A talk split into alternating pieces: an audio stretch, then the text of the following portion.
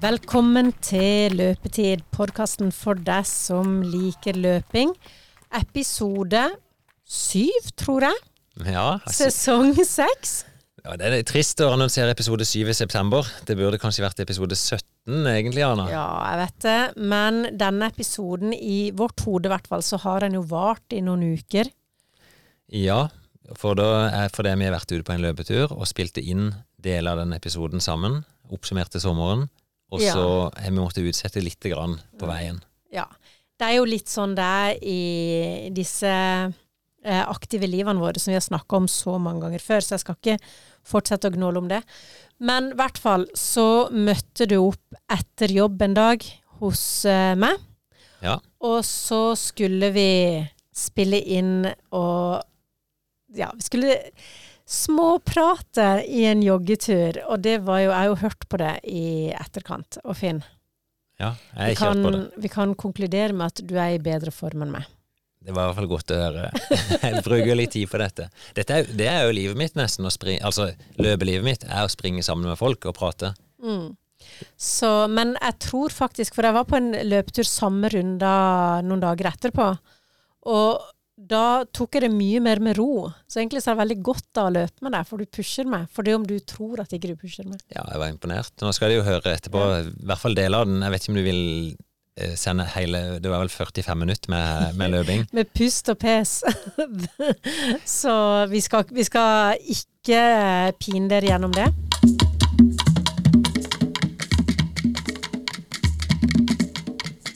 Det er ettermiddag.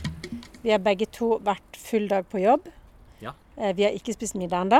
Nei, og du lagde middag. Det var Ja. nesten litt irriterende. Så det er kanskje litt godt å kjenne på den, for jeg har lyst på mat akkurat nå. Ja. Men vi skal ta oss en runde, ca. en halvtime. Cirka en halvtime. Og så spiller vi noe, og så møtes vi igjen i studio. Og så Ja. litt der. Ja. Men eh, du styrer farta. Absolutt.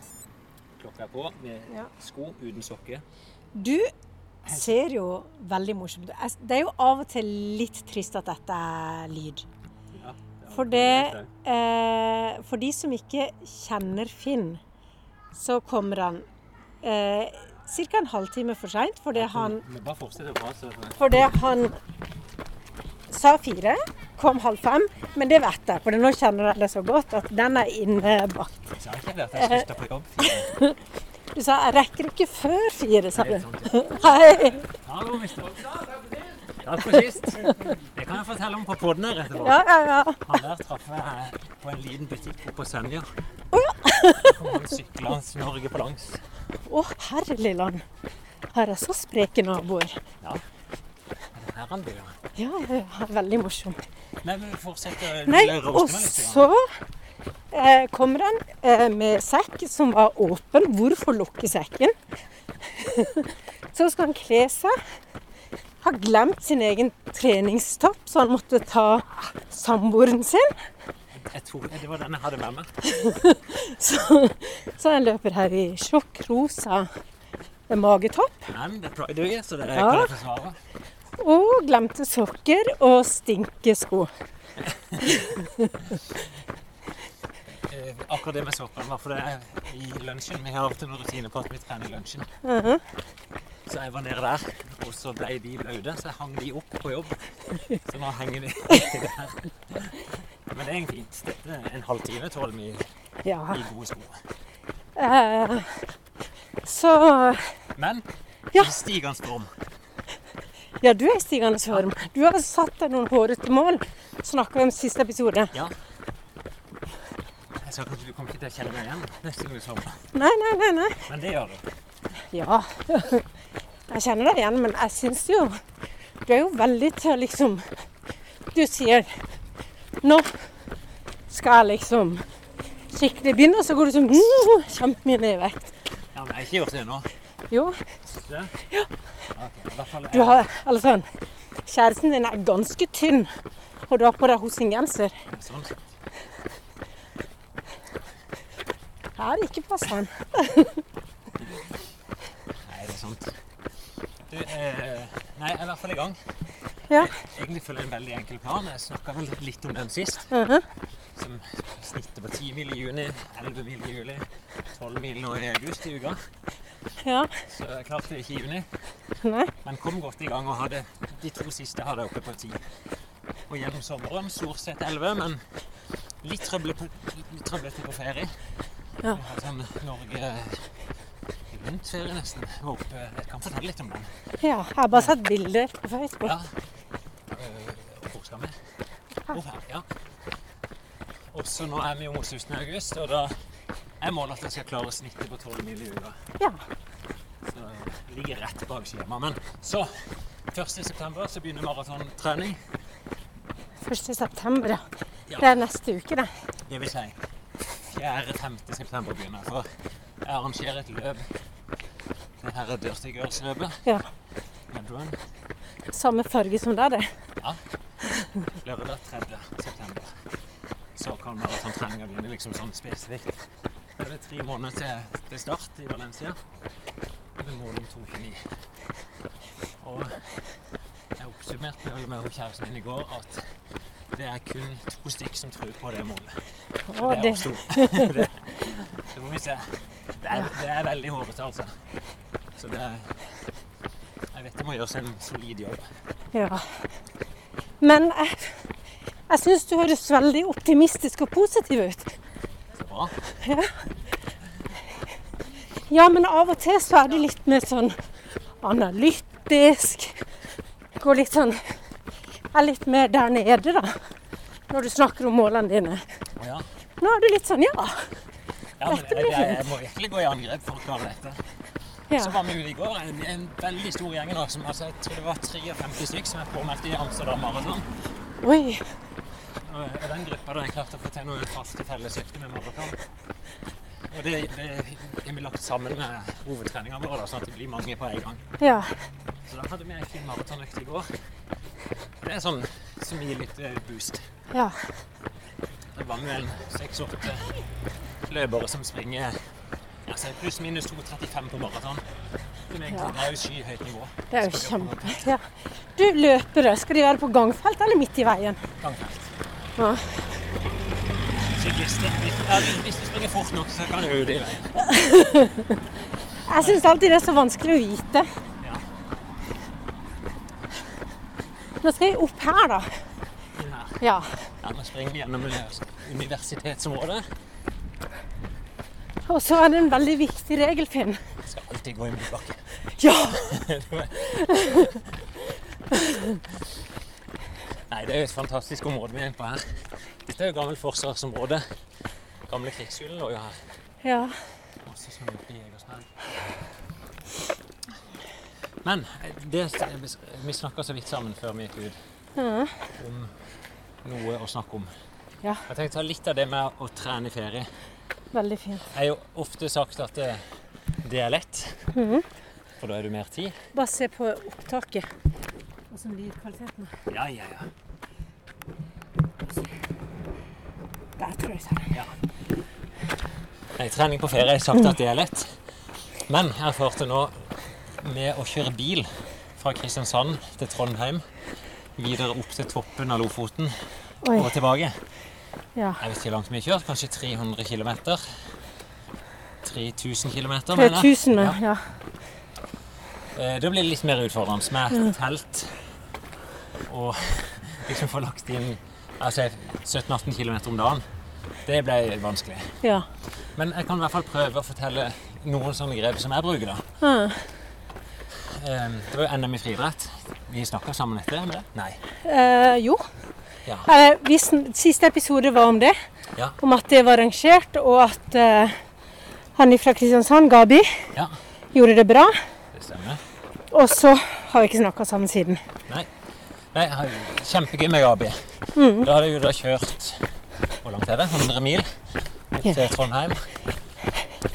Eh, og der pakka jeg hadde med telt.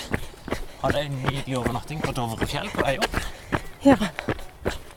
Eh, ja, kjørte videre opp til Trondheim, så var vi der på NM-helga. Så vi hadde bestemt at vi hadde, vi hadde veldig lyst til å få oppleve Lofoten og Nord-Norge. Jeg har vært noe der før, men ikke overalt. Så da bila vi opp. Etter at vi var ferdig, fant bare en plass oppe på Snåsa. Der vi kjørte av gårde så seint at jeg hadde løpt før på dagen. Campa langs ei strand, brant bål. Opp tidlig, og så satt vi bare i marsj. da. Og så hadde vi en flott etappe opp til Bodø. Hva er det? Er det å gå, det? Det er Eller å kjøre bil? seks timer i bil, kanskje. Oh, ja. Det er langt til avstander. Altså. Okay. Eh, og der kom vi inn i bilkøa. Det går ferje da over til Lofoten fra Bodø. Ja. Fra Bodø ca. ned til Å i Lofoten. Eh, så var min nest siste bil som ikke fikk plass på ferja. Og da var det tre timer igjen. Men det vi gjorde da, var at vi hadde jo med oss treningstøy. Helt på måfå. Bare sprang en tur sammen rundt hodet. Og så så vi at det var en veldig flott topp. Noe som de kaller Keiservarden.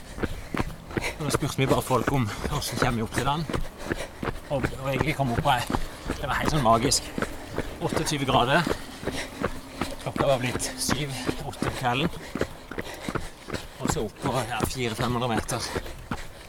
Da gjorde vi det sånn at jeg bare sprang ifra henne. ja. Sprang opp til toppen, ventet litt, sprang nedover, så møttes vi og tok nedturen sammen igjen.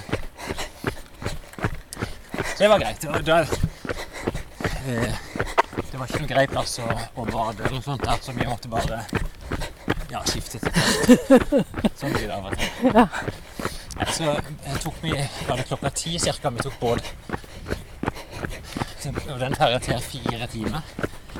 Det er ganske drøyt. Det Mhm. like langt som det tar Det er til Danmark? Ja, lengre tid enn til Danmark. Nei, og så kom vi over til Å. Bitte, bitte, bitte liten plass. Det er nesten bare en sånn snuplass. Eh, veldig trang lei, cirka sånn som dette. Men det, klokka var jo ja, to-tre på natta, midnattssol. Så fant vi bare tilfeldigvis en bitte, bitte liten sånn ei hylle langs veien. Helt ned med vannet. Så vi campa. Bare opp med telt og sov. Og våkna Ja, du våkner jo tidligere. Du våkna ganske tidlig på åtte og lager frokost helt i Lofoten. Det er første gang jeg har hørt noe som høres litt hyggelig ut. Ja, jeg gjør det hyggelig, altså. Ja. Nei, altså, Lofoten er jo langt og stort, det òg. Så vi kjørte opp til Jeg husker ikke Rein. Det heter. Og gikk opp på en topp som ikke jeg husker navnet på. Det, det var egentlig en veldig fin tur. Det, du kommer opp på toppen der, labber du opp sånne skjerpa trapper som er lagd. Ja. Det var jo en person som døde der noen dager før vi var der, som bare datt rett ned. Eh, Når vi kommer opp på toppen, så er det som å se på et postkort over hele Lofoten. Jeg ser alle øyene som er oppe. Et sånt grønt og blått hav. Sandstrender. Men det er iskaldt i havet. Du, vet du, vi kjørte videre, og så Vi hadde jo lyst til å finne ei strand. Eh, og jeg husker ikke hva den plassen het, men vi fant en plass med noen fantastiske strender innerst i en fjord. Og jeg har alltid hørt det at det er iskaldt. Ja. Men der vi vokste ut, hadde hele stranda, kanskje en kilometer for, som, ja, som ikke var noen folk. Da kunne vi bare kle oss helt. Og så gikk vi ut i vannet, og så var det kanskje 2-23 grader. Oi! Tenk to som høres hyggelig ut. Det var ganske hyggelig, ja. Eh, jeg tror det fall det at tidevannet hadde kommet inn, Ja. og så ble det liggende litt bak oss. Og så var det på vei ut igjen. ja. Så det var nydelig. Sånn frekk liten detalj Vi lå jo der helt i nettoen, ja. og så kom det to tyske jenter. Oi. 30. Og vi, det var du og din kjæreste. Ja. De kom gående nagne Oi. og ute og bada. Og eh, ja, vi bare lot lo som ikke vi var der. Så gikk det greit. Nei, så var det videre opp til det Egget, det heter. Fant en campingplass. Det hadde vi egentlig ikke så lyst til. Det var bare en, gå her. Ja. En haug av bobiler. Og masse gamlinger. Ja. Så tenkte jeg nei, kan ikke det. Kjørte vi litt nedover. I Lofoten så er det en del forbud mot å telte. Men vi hadde jo den Vi bare gikk inn og så på de kartene. Så der Det ble litt krise i Lofoten under korona. Gjorde det ikke det? Så får du telta overalt. Ja, det, men det er ganske strengt der. Nei, så vi, det var liksom, vi fant en ny strand. Litt mindre, men det er liksom helt kredit. Vi er der for oss sjøl. Eh, opp med teltet. Og så Det vi gjorde da, var egentlig bare på med joggeskoene. Eh, Marit begynte å lage litt mat, og så sprang jeg bare fem kilometer en vei. Fem kilometer tilbake. Og da var det bading. Og da var det tolv grader i, i sjøen her. Det var greit nok. Nei, og, da gikk det egentlig dagen sånn. Men fikk du da løpt det du skulle hver dag? Jeg sprang hver dag. Ja. Det vil si i Det var vel en dag som vi var på en fire-fem timers fjelltur. ja. Da lot jeg det være dagens trim. da. Som vi var jo- restitusjonsøkt, nesten. Ja, og jeg fikk den, den ene dagen Det var litt dårlig vær. Så vi reiste opp til Svolvær først. Vi bestilte oss bare inn på en fisketur. Så vi var halve dagen og fiska fisk. Fikk med oss litt av den. Det vi fiska, og, og så reiste vi opp på et sånn ja, nedlagt fiskevær. Oppe noe som heter Nyksund. Liksom det. Da er du inne på oppe i Vesterålen. Forbi Myre. Og så helt ute i havgapet, da. Ja, det har jeg hørt om, faktisk. Nyksund. Der, der. Eh, Vi skal gå opp til der hvor vi skal inn i skogen igjen.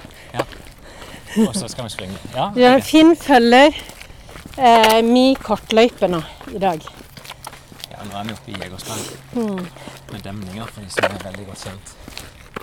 Nei, og da, Det var så dårlig vær den kvelden. Kanskje 20 sekundmeter vind og pissregn. Så vi bare sjekka inn. Da tok vi booka oss inn på Airbnb, for de hadde et rom der. Og så på med, på med skoene, og da sprang jeg tre kilometer ut i solid motvind, og så Oi. tilbake igjen i medvind. Men Finn, Ja. eh, vi snakker ferie her. Eh, og så er all respekt at du får til det og sånn, men du er på ferie med kjæresten din.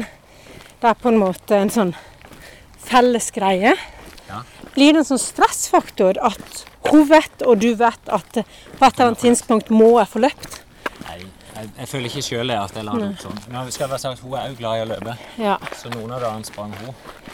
Eh, Men sånn som den kvelden der, så kjente jeg ut å springe i 30 minutter. Det er mye fortere altså, en plass å være. Så hun bare pakker ut og gjør seg klar. Det som er fint med sånn som det fiskevær, da, det er at de driver ikke fisk lenger, men for en, var det 10-15 år siden så begynte de å bygge det opp igjen med noen fastlandsdag som er laget til en attraksjon. Så vi hadde et enormt bra spisested der. Så da booka vi oss inn der. Og var på den lokale puben. ja. Vi var de eneste gjestene.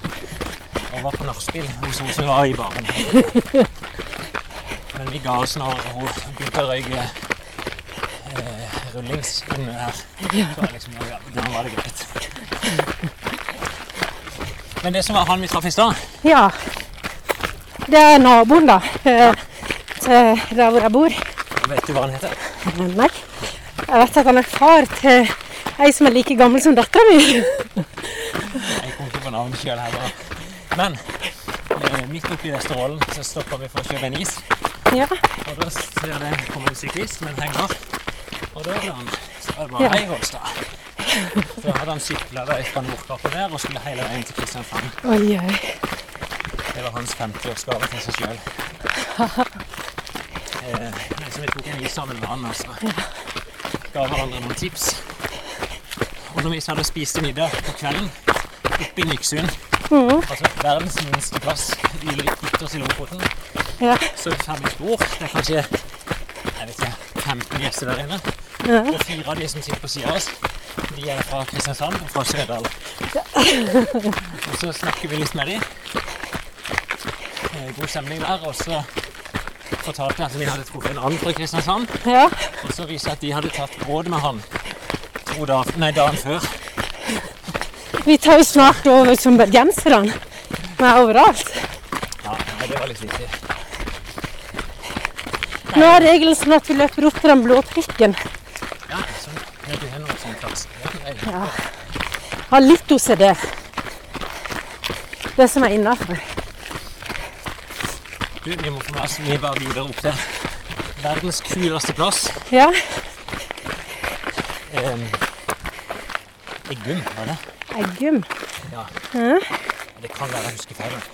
Først helt opp til Andenes. Ja. Er vi på Andøya. Helt nord i Lofoten. Helt nord i Vesterålen, kanskje.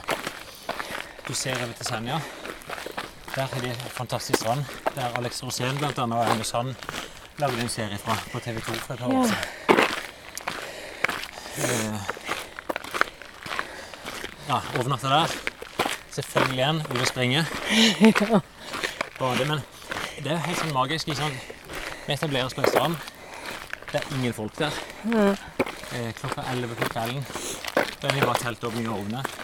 Sitter med litt mat, litt vin. Og sola var sånn rett inn. Ja. Og jeg vet ikke hvor varmt det var. 25 grader klokka 11. Så vi er kjempeheldige altså med vær og Og så dagen etterpå, opp på fjellet. Det var den fire-fem timers turen vi hadde. Så jeg føler at du ser Altså, det er bedre enn Alpene på toppen. ja, da er du på toppen av verden, da. Jeg føler sånn. Det er ikke, ja. kanskje det er 500 høydemeter, da. Kanskje. Ja, ja, men du er liksom så høyt nord også. Ja. Og alt du ser, det er sjø. Og så er det disse høye fjelltoppene. Ja. De er vel oppe på 1500 meter, de høyeste. Det. Og snø, selvfølgelig, ser du òg. Ja. Sommeren. Ha. Nei, altså så tok vi båten dagen etterpå. Ligger over på Senja. Da er du mer inne på tror det er fastland, Nei, eller om det blir ei øy. Eh, vi kjørte innover der. Var jeg på å tenke høyt. Det var en ny strand. Helt på måfå. Vi visste jo ikke hvor vi skulle ligge. Og igjen så treffer vi bare sånn ei hvit strand, 50 meter brei. Det er 28 grader. Og der vi etablerte telt det var- Fram til da så hadde det ikke vært noe mygg eller noen ting. Der inne kom et. Oi, oi, oi, oi. oi. Da begynner vi å nærme oss Troms. Ja. Ja. Eller vi var vel kanskje i Troms. Her er det opp til den røde prikken. Nei, da kom det sånn i ni-tida så kom det et kjærestepar som jobba i Forsvaret. Ehm, De hadde, han hadde fridd til henne der året før ja. på den stranda. Men da er det som eh, eh, de synger om i Halvdan Sivertsen, ja. som er der for en strand. Da er det de. Så da Ja. er det sånn Ja, de ikke er her. Nei, da finner vi ei Ja. Wow, det er jo sjenerøst. Ja, ja. Send en hilsen til de da hvis de hører på podkasten. Ja. Og gratulerer de med ett år og noen måneders bryllupsdag. Nei, og så pakker vi dagen etterpå. Da reiser vi videre. Vi hadde ikke bestemt oss helt, men vi reiste i hvert fall innom Bardufoss, der jeg hadde jobba på slutten av 90-tallet. Jobba i Ja. Forsvaret. Eh, måten å utforske Bardufoss, det er med joggesko. Ja. Det er ikke så stort. Det er Det er bare militærleir, er det ikke det? Ja, det er egentlig to militærleirer og en flyplass. Ja. Så jeg vet ikke, vi sprang kanskje 10 kilometer da. ja. Og det var 31 grader. Oi. Eh, og Marit ble så fukt. Så til slutt fant jeg en bekk med sånn isvann. Altså kom fra Ja. fjellet og la, la seg ned der. Og fikk kjølt seg ned overleve. Nei, så det var litt gøy. og Jeg var borte og kikka på det gamle huset jeg hadde bodd i. Liksom. Og så dundra vi videre. Hadde ikke helt bestemt oss, men vi endte opp nede i Narvik. Og så meldte vi dårlig vær tenkte jeg greit, vi kan ta inn oss på hotell. Så da sprang jeg ut en tur, og så gikk vi ut og spiste. Og så neste morgen sprang vi ut en ny tur. Da sprang vi ut sammen. da. Og så er det jo en lang vei hjem. Da er det jo jeg vet ikke, 200 mil tilbake til Kristiansand. Så da ble det litt mer sånn transport, altså. Ned til Trondheim, overnatta en natt i leiligheten oss. Da slapp hun meg bare av 10 km fra huset. Sprang. Kjørte over Dovrefjell, var ute og kikka litt. For så faktisk moskus der oppe. Ja, den bestanden har blitt ganske stor. Ja. ja det, jeg vet ikke hvor mange det er, men det var noen historier liksom. der. Nei, og så endte vi til slutt nede i Tønsberg. Da begynte det sent i kvelden. Så da hadde hun et forslag om at vi kunne ligge på Slottsfjell. Ja. Men så er det jo litt sånn trøblete, for det er jo du er allemannsretten der du kan lovlig campe i umark. Ja. Men inn, der er jo liksom slik og der noen eier. Der kan du ikke. Men oppe på Slotts- Slottsfjell så fant vi sånne 20-30 meter utenfor Svien, Litt ut mot byen. eh, Vestsida av den. Der campa vi. Ja. Ut med teltet klokka 11 på kvelden. Eh, og så vet vi at Tønsberg er en utelivsby. som vi dundra ned i sentrum. Tok et par drinker. Og så ble vi invitert av en ned i en båt, en gamling. Jeg er glad du ikke sa og så løp jeg hjem igjen. Så da var det nachspiel i båten. Ja. Og så tusla opp i, i teltet der. Før vi pakka sekken da, så var jeg tilbake i Kristiansand. ja. Så det var oppsummert ni dager på tur. Så la oss si at jeg hadde kanskje 8-10 km i snittet om dagen. Ja, det er jo kjempebra.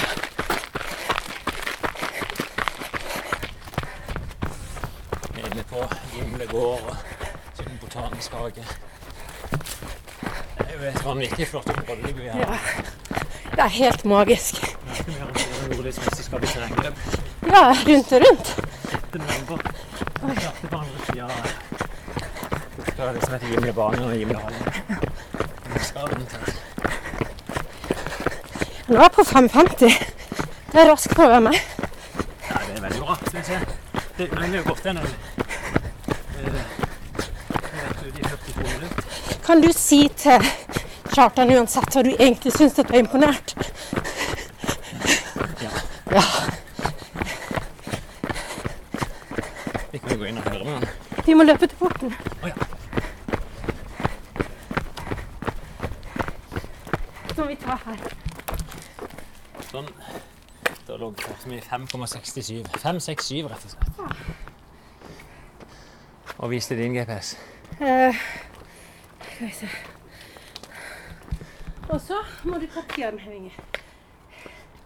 Så mye det. Ti armheving på porten. Jeg kan ta de på bakken. Ja. Lyden av det.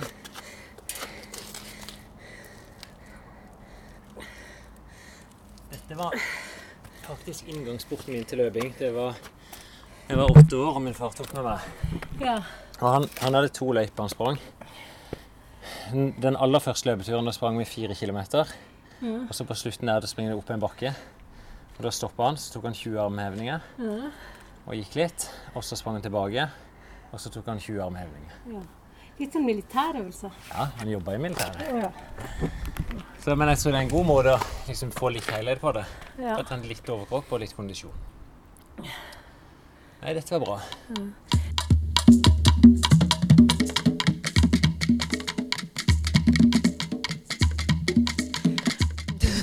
Finn. Da var vi endelig tilbake igjen fra joggetur. Endelig mål.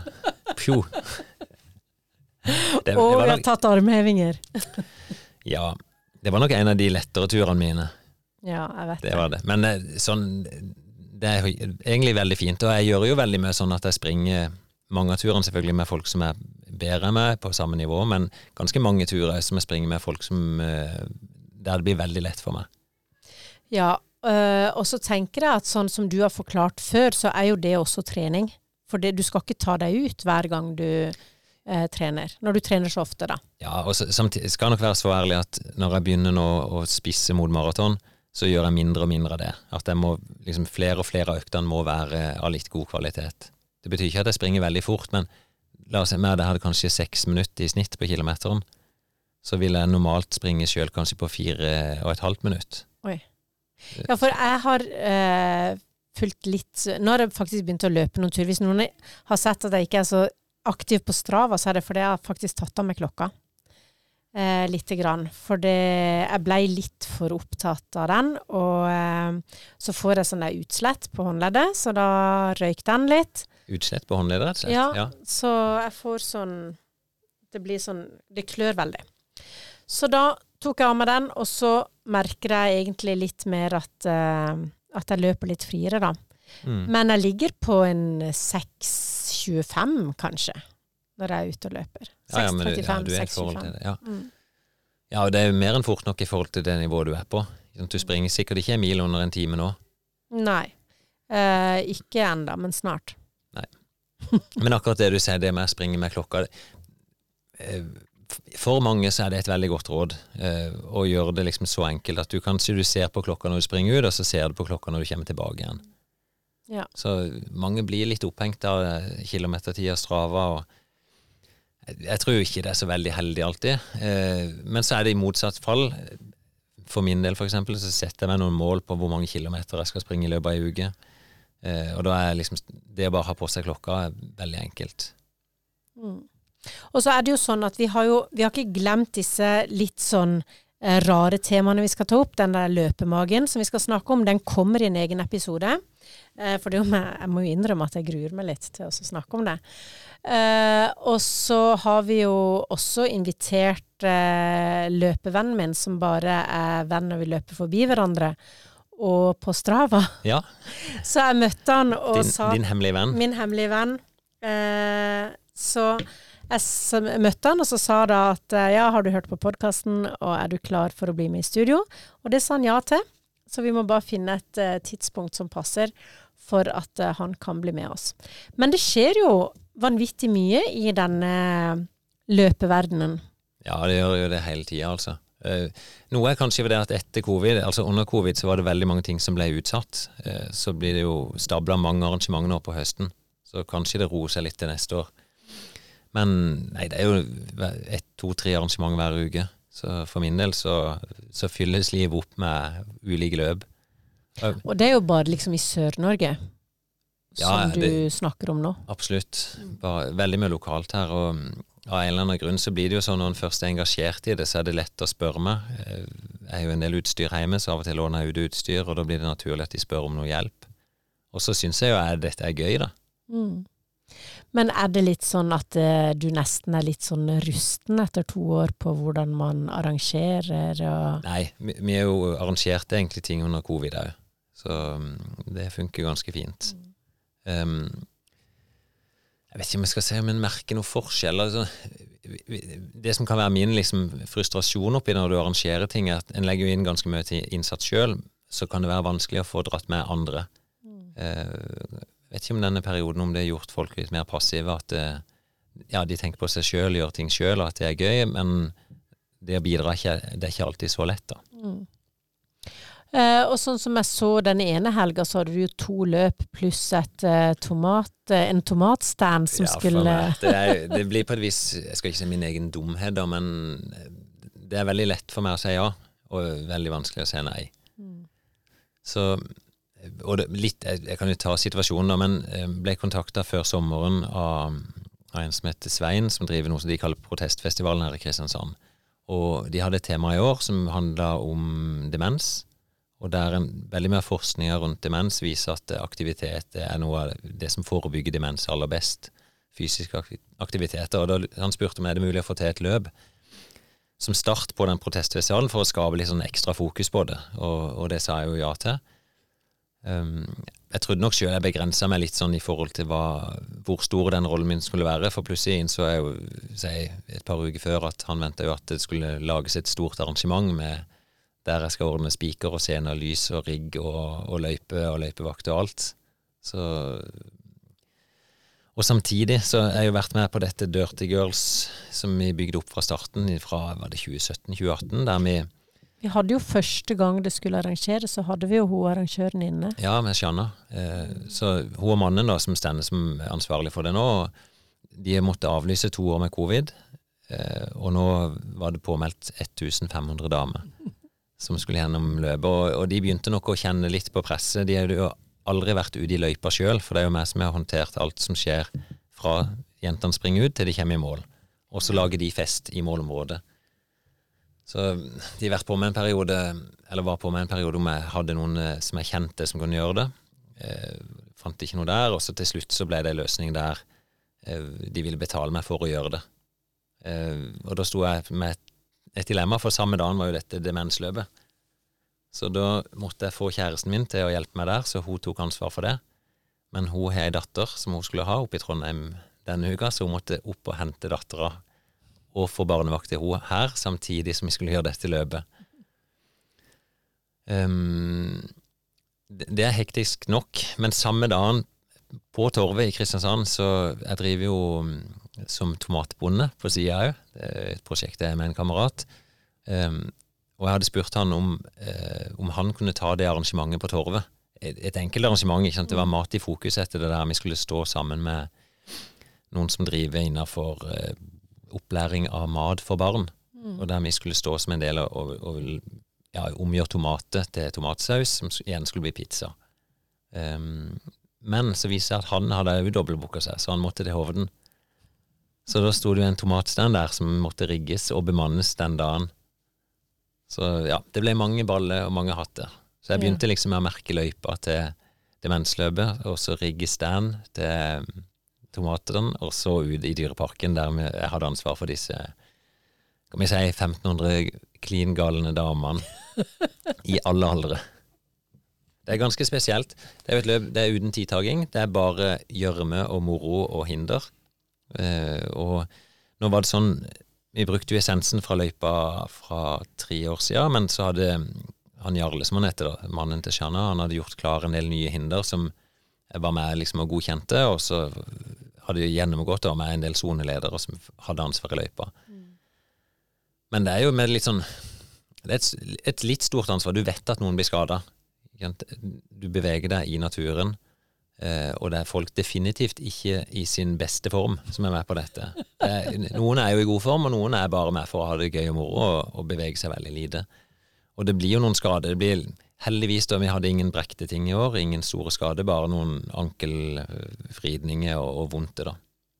Så, men de hadde det gøy, og dessverre så fikk jeg ikke anledning til å være med på festen. Det kunne jo vært et høydepunkt. Med, de har tusen, tusen stykk på fest inne i Sabeltanns verden i Dyreparken. Så, men det, jeg fikk jo noen bilder derfra, og det ble definitivt en suksess. Ja. Og jeg var ganske utlada dagen etterpå. Det kan jeg rapportere ut på podkasten. Ja, det er jo eh, Du har eh, mange jern i ilden i forhold til dette med løping, og det er jo egentlig vanvittig hvordan en eh, kanskje en av de mest individuelle idrettene kan være så samlende, og kan være så Kan ha så mange arrangementer og så mye liksom sosialt rundt seg, da. Ja. Men jeg syns det, det, er litt gøy at løping òg kan være uten tidtaking. Ja. At det handler bare om fellesskap og gjøre noe fysisk sammen. Og det var jo det som Vi skal ta det demensløpet, så er jo det Der valgte vi òg å ikke ha tidtaking, men bare markere det som at fysisk aktivitet, det hjelper, og du trenger ikke ta tida på det for å mm. få en effekt. Nei. For det er jo det som er kanskje flesteparten, da, eh, kan bruke både gåing og jogging som eh, på en måte det å holde seg litt i form, også en mental eh, helsebit. Eh, så det, det, er jo gjort masse på dette. Johan Kaggestad var jo en mm. av de første som begynte med dette. Jobba i psykiatrien oppe på Modum Bad, og, og, begynte å bruke trening for å forebygge eh, ja, om det var psykose eller psykiske ja. problemer. Mm. Eller mentale problemer. Så, og når de begynte å forske på demens, så det er liksom helt soleklart det beste virkemidlet for å forebygge demens. Og Nå så jeg faktisk en artikkel i avisen i dag om, om akkurat det samme temaet, der de ser at liksom gullalderen for å skade seg sjøl i forhold til demens, det er sånn type fra eller om det var 40 til 60, den alderen som jeg er enten i eller på vei inn i. Uh, og der kan du forebygge veldig mye da, med å, å, gjøre en del fysisk aktivitet. For da ser de at høyt blodtrykk i den alderen, så er det veldig mye større forekomst av demens senere i livet. Ja, så det er bare å komme seg ut og jogge hjernen frisk. Eh, men det kommer jo også en del eh, store arrangementer eh, framover, og mm. eh, for de som er interessert i sånn topp, topp, topp-folkene, så har, begynner det jo å, å, bli en del her på Sørlandet som gjør det bra. Og ja, det er mange som Altså Hvis en kan oppsummere litt av det som skjer rundt vårt miljø, da, så jeg merker jo det. Jeg skriver jo treningsplan for liksom, hele gruppa vår. Det, det, er klart det blir et generelt program, men det er jo umulig å spisse det fram til ett løp, for er jo, alle er jo på vei mot forskjellige ting. Uh, nå er det noen i helga, f.eks. De skal springe Oslo Maraton. Uh, alle ulike distanser, 10 km, halvmaraton eller maraton. Uh, noen skal springe ultraløp. Eh, det kommer mange årets store mål som med hytteplanmila bort på Hønefoss, som er i mil. Og så er det jo jeg lurer på om er nesten 60 stykker her fra løpeklubben som skal springe Amsterdam Maraton i oktober. Så ja, det kommer på løpernes bånd. Og så er jo Berlin, som pleier å være en sånn rekord... eh, Absolutt. Det er ikke så mange fra Sørlandet som reiser til Berlin, for mange har reist der før. Eh, Men problemet der er å få plass. Oh, ja. Og liksom, du må enten klare et kvalifiseringskrav, eller så er du med i et lotteri. Og da er ikke alle som får plass.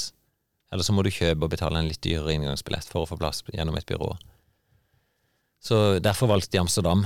Så, men Berlin er jo neste helg, så Jeg husker bare da du var med, så fortalte du at det var så ryddig og ordentlig, og alt var liksom helt det er veldig på stell i Berlin, altså. Det er, jeg tror ikke det er tilfeldig at verdensrekorden er satt i Berlin. Og, og det er jo en fantastisk flott løype. Mm. Og selvfølgelig tida på året gjør at det ofte er god temperatur for å springe fort. Og god temperatur er ganske lav temperatur. Altså type 10-15 grader er jo perfekt for å springe maraton i. Det er da Julia og meg trekker fram eh, ullgenseren og for å løpe Jegers. Mm. Og så eh, har du hviska i øret at det kommer et nordisk mesterskap i terrengløp Ja. her på Sørlandet. Absolutt. Eh, 6. november, lørdag 6. november, da mm, samles de beste løperne i Norden. Både for junior og senior her i Kristiansand. Husker jeg feil hvis det er sånn eh, det der Ingebrigtsen og sånn har vært med forskjellige steder og løpt som liksom sitt siste løp for sesongen? Ja, men du er Jeg inne på noe husker feil, ja. Ja, men du er inne på noe, for um, sånn det er organisert, så er det normalt da, sånn type september, så er det norsk mesterskap, og typisk er det i Sverige, Danmark, Finland. Og så samles de beste i nordisk mesterskap i slutten av oktober, begynnelsen av november. Og så er det europamesterskap i begynnelsen av desember. Og det er det som du har sett. Jeg har sett på TV-en at eh, Jakob er vunnet, Philip er vunnet. Henrik er vunnet som U23-utøver der. Så, men jeg, jeg har vært leder på mange av disse arrangementene før og hatt med meg både Henrik og jeg tror Philip òg på dette. Eh, Det skal veldig mye til at eh, Jakob og de prioriterer nordisk i år. Det blir ofte de, de beste av de nest beste som stiller opp på et nordisk. Ok. Og de aller, aller beste, de, de er så gode at de, de blir tatt ut til EM uansett. Men vi håper jo å få med de beste. Det hadde vært kjempegøy selvfølgelig å fått noen Ingebrigtsen her. Men kunne vi brukt noe sånn et par minutter på å snakke litt om eh, Jakob Ingebrigtsen og det han har prestert nå den siste tida? Vær så god. Eh, Jeg snakker mer enn to minutter om sånne ting hver dag. Ja, for Ja. det eh, Bare sånn som en eh, frisk amatør, så har jeg jo fulgt med i media og så sett noen av løpene sine, eh, og hvor han er Han er uredd Ja. og gønner på og liksom blir forbanna over en sølvmedalje. Og eh, Ja, det, Det er ganske spesielt ja, at vi kan sitte og se på et VM i friidrett, og der et sølv er verdens største nederlag for en nordmann. Hva sier det om han, og om hvor vi har kommet hen i eh, løpeverden? Ja, det mest, det er jo mest om han, altså. eh, Han jobber jo veldig hardt på dette. Eh, Han legger jo ned i springer 18 mil uke etter uke gjennom året, og det, det er klart det er jo til en kost for han òg. Og for han så er ambisjonsnivået kun å vinne. Og hvis ikke han vinner, så er han tapt. Det er jo det han forteller. Og, og det sitter så dypt. ikke sant? Det er hans favorittdistanse, er 1500 meter, og det er den han skal vinne. 5000-meteren er jo stas, men det er sekundært. Og når han da blir slått, så han opplever jo sjøl at han taper for en løper som er dårligere enn seg. At han har gjort et dårlig løp og gjort noen dårlige valg. Det er det som gjør mest vondt. Eh, ja, det er sikkert det. Nå, nå kjenner jo jeg disse gutta fra før. Jeg har opplevd Henrik på akkurat samme vis at eh, hvis han blir slått, så er det fordi at noe er gått galt. det er ikke nødvendigvis fordi de er bedre enn han. Men eh, det er nok en måte å, å takle det på. Liksom, ok, men jeg må gjøre dette på en annen måte neste gang hvis jeg skal vinne.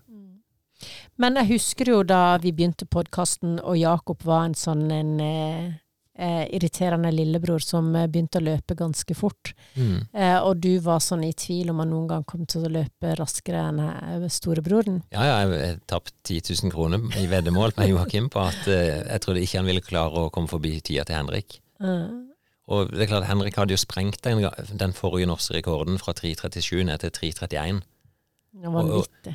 Ja, og mm, hvis en tenker utviklinga, det er ganske stor forskjell på hvordan de utvikla seg. For Henrik var jo en skiløper fram til ja, 16-17 år. Eh, satsa mest på ski, men, men sprang òg på sommeren. Eh, men valgte da friidretten da han var 17 år. Eh, da hadde, var med til junior-EM som leder i terrengløp. Eh, han var ikke kjempegod, men han var sånn, jeg, jeg tipper topp 15, topp 20. eh, og valgte da å gå over til løpinga. Mens Jakob egentlig helt siden han var kanskje 10-11 år, har vært veldig målretta på at det er friidrett. Og eh, jeg har jo kunnet høste av erfaringene både fra Henrik og fra Philip. Eh, pappa og Gjert har jo vært med der hele tida og, og klart å lose han inn på det samme sporet veldig tidlig. Mm. Så ja, de er jo framstilt til sånn òg både på foredrag og i bøker at Henrik har vært litt sånn prøvekaninen og gjort det veldig bra. Men det er liksom all forskning har vist tidligere at disse barnestjernene, det å bli god veldig tidlig, det virker ikke å være sunt. At det stagnerer til slutt. Men det har det definitivt ikke gjort for Jakob. Så Så han har liksom bare blitt spissa, da. eh, På riktig måte fra tidlig alder. ja. Og det Det kan jo virke som om han bare løpte liksom godt i retning langdistanse, men jeg husker han jo godt ifra mange løp der han har løpt hekk, hoppa høyde og gjort andre ting. Så, og det tror jeg er litt smart, eh, at de klarte å beholde liksom den legen i det. Mm. Og eh, du snakker om uredde. De har aldri vært redd for å stille opp i konkurranse. De har ikke vært redd for å gå i front eller gjøre egne valg. Så der tror jeg vi har masse å lære. At det å konkurrere, at det skal være gøy. Og gjør det ofte. Da blir du god til å konkurrere. Og det er klart, konkurrerer du sjelden, så, så skal det mye til da, og gjøre det veldig godt alltid. Vi skal jo ikke bli noe sånn der eh, sladrepresse eller noe sånn, men det, dette her med Det har jo stått litt om at det er en konflikt mellom far og gutter, og han har Mm. valgt å trekke seg ut som trener. Um, så det, liksom det som har vært liksom sjarmen, da, med at uh, far blir iltrende sint, og vi sitter Ja. og spiser popkorn og eh, må kneppe opp buksa på fredagskvelden, liksom, og vi følger de på Team Ingebrigtsen. Det har jo vist seg å være en mye større konflikt, da. Ja, eller eh, sånn som jeg har forstått, eh, så er de vært ganske tydelige på at det har vært en stor slitasje, og, og Gjert har vel vært ute og kommentert det både i, i bøkene jeg skrev og i intervjuet, at han har vært redd for at liksom, den rollen han må ha som trener, at det kan gå på bekostning av rollen som pappa. Og, og det bruddet som kom, det var kanskje delvis venta. Eh, og nå kjenner ikke jeg situasjonen disse i detalj, men jeg håper jo i hvert fall da at han er klar til å beholde papparollen, og at den trenerrollen at den, den kan håndteres av andre. Og det er i hvert fall foreløpig viser da at eh, det de klarer sammen da, som gruppe, og med Henrik litt i lid, at det, det, det kan òg fungere, i hvert fall der de er nå. Du er jo sjøl pappa til en eh, skokkjenter, Mm. og hun ene gjør det jo veldig bra innenfor styrkeløft. Du mener jo at hun har eh, arva de egenskapene av det? Nei, det var Men jeg vet jeg bygger styrkelett sjøl, men eh, mora er jo norgesmester i lengde hekk, Mm. eh, så hun er nok arva litt fra begge. Men eh, har du kjent på det noen gang, når de har spurt om noe om hvor er pappaen som beskytter, og hvor er liksom den kunnskapsrike treneren som det du er, da? Ja, nå, jeg prøver å hjelpe henne litt, eh, men jeg er ikke noe pushy på noen av ungene mines vegne, altså. Det er, eh, har ikke noe behov for å liksom dra de fram. Jeg prøver jo å motivere de til at det å finne noen interesser som de syns er gøy, men de driver med dans, håndball. Noen av de springer litt. eh, Veslemøy løfter både ja, styrk, nei, ikke styrkeløft, vektløfting og crossfit. Så de må finne sin vei, altså. Men jeg syns det er gøy å hjelpe. Og det er klart, når jeg er med de på ei trening, så er jeg jo bare Da er jeg ikke på et vis pappa. Da er jeg jo der som å hjelpe de gjennom ei god økt og fortelle de hva som skal til for å utvikle kondisjon. Men jeg, det er vanskelig for meg å, å det å vite kravene i crossfit. sant, Der jeg kan mye om kondisjon på løpebanen, um, men de skal kanskje da stå på en sykkel. De skal ro på en romaskin, og så skal de hoppe over en benk. Liksom det å så hva, Hvordan korrelerer det med å springe intervall? 200 meter intervall på en bane. Det, det, er ikke sikkert jeg kan så mye om det. Men jeg kan i hvert fall noe om åssen kondisjon virker. da, så når treneren setter opp noen økter de skal gjennom, så kan jeg være med og hjelpe de å gjøre den på den måten som han mener er rett. Og du har jo kanskje litt annen måte sånn og Du blir ikke så sinna på utøverne dine? Nei, og det, det, er jo stil og væremåte. Og det er klart at når du snakker om Gjert, så er jo han en Sorry. Um, så, så, er Gjert en måte å Et nordnorsk gemytt, kan det virke som, da. At uh, glosene kommer tett. Men det er jo noe du blir vant til òg når du er rundt den, at ting blir sagt direkte og litt sånn i affekt, nærmest uten at det nødvendigvis blir mottatt veldig dårlig. Eller sendt av gårde med dårlige intensjoner. Vi sender i hvert fall alle de beste eh, lykkeønskene om at de skal både ha det fint som familie, og selvfølgelig så gleder vi oss veldig over de resultatene som den familien viser til. Men du Finn. Ja. Eh, I Mandal så eh, opplevde du noe som ikke du opplever oh, ja. så ofte. Ja, det, da var det langt til vannflaska. Ja, eh, en kan være flink rådgiver, men en skal, når en er ute og skal gjøre ting sjøl, så er det jo ikke alltid en følger de samme rådene. Det kan være vanskelig. Nei, det var en situasjon Vi skulle springe løp bort til Mandal, og kjæresten min hadde meldt seg på sjøl. Hun hadde lyst til å være med. Dette var Mandalsmaraton, kaller de det. Som, det har vært en tradisjon. 40 år har Kalle Glomsaker arrangert i, i Mandal. Og han la inn årene i fjor og sa at nå er det siste året. Og da var det en gjeng som sto klar og sa at ja, men vi vil gjøre dette til et nytt løp. Og, og flytta det inn midt i Mandal sentrum og satte opp fem kilometer, km, kilometer, halvmaraton og maraton. Og minus 5 kilometer. Det var minus fem kilometer? det var ti kilometer, var det. Ja. Det er faktisk meg sjøl som er kontroll mot løypa, for jeg er blitt løypemåler. Nei, så jeg var litt sånn i tvil om jeg skulle være meg sjøl, men eh, jeg slang meg egentlig bare med på sparket. Og det var jo null forberedelse kvelden før. Eh, det, det, var kanskje minusforberedelse, samme som minus fem kilometer? ja, det var veldig dårlig forberedelse kvelden før. Eh, men så ble det liksom på morgenen at ja, men ok, vi stikker bort. Um, og reiste bort. Uh, jeg tenkte jeg kan i hvert fall bare springe gjennom på sånn sub 35 minutter, som egentlig skulle gå ganske greit. Uh, og jeg starta i den farta og syntes at dette kjentes bra ut, og så plutselig var det bom stopp. Jeg, jeg, begynte jo bare å slite og kjenne at hva er dette? Det, det ble veldig tungt. Jeg, jeg, prøvde liksom bare å cruise ned på farta. Lå fortsatt på skjema, men etter hvert så ble det umulig.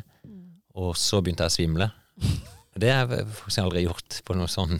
Jeg gjorde det på et maraton i New York et år der jeg gikk helt i veggen.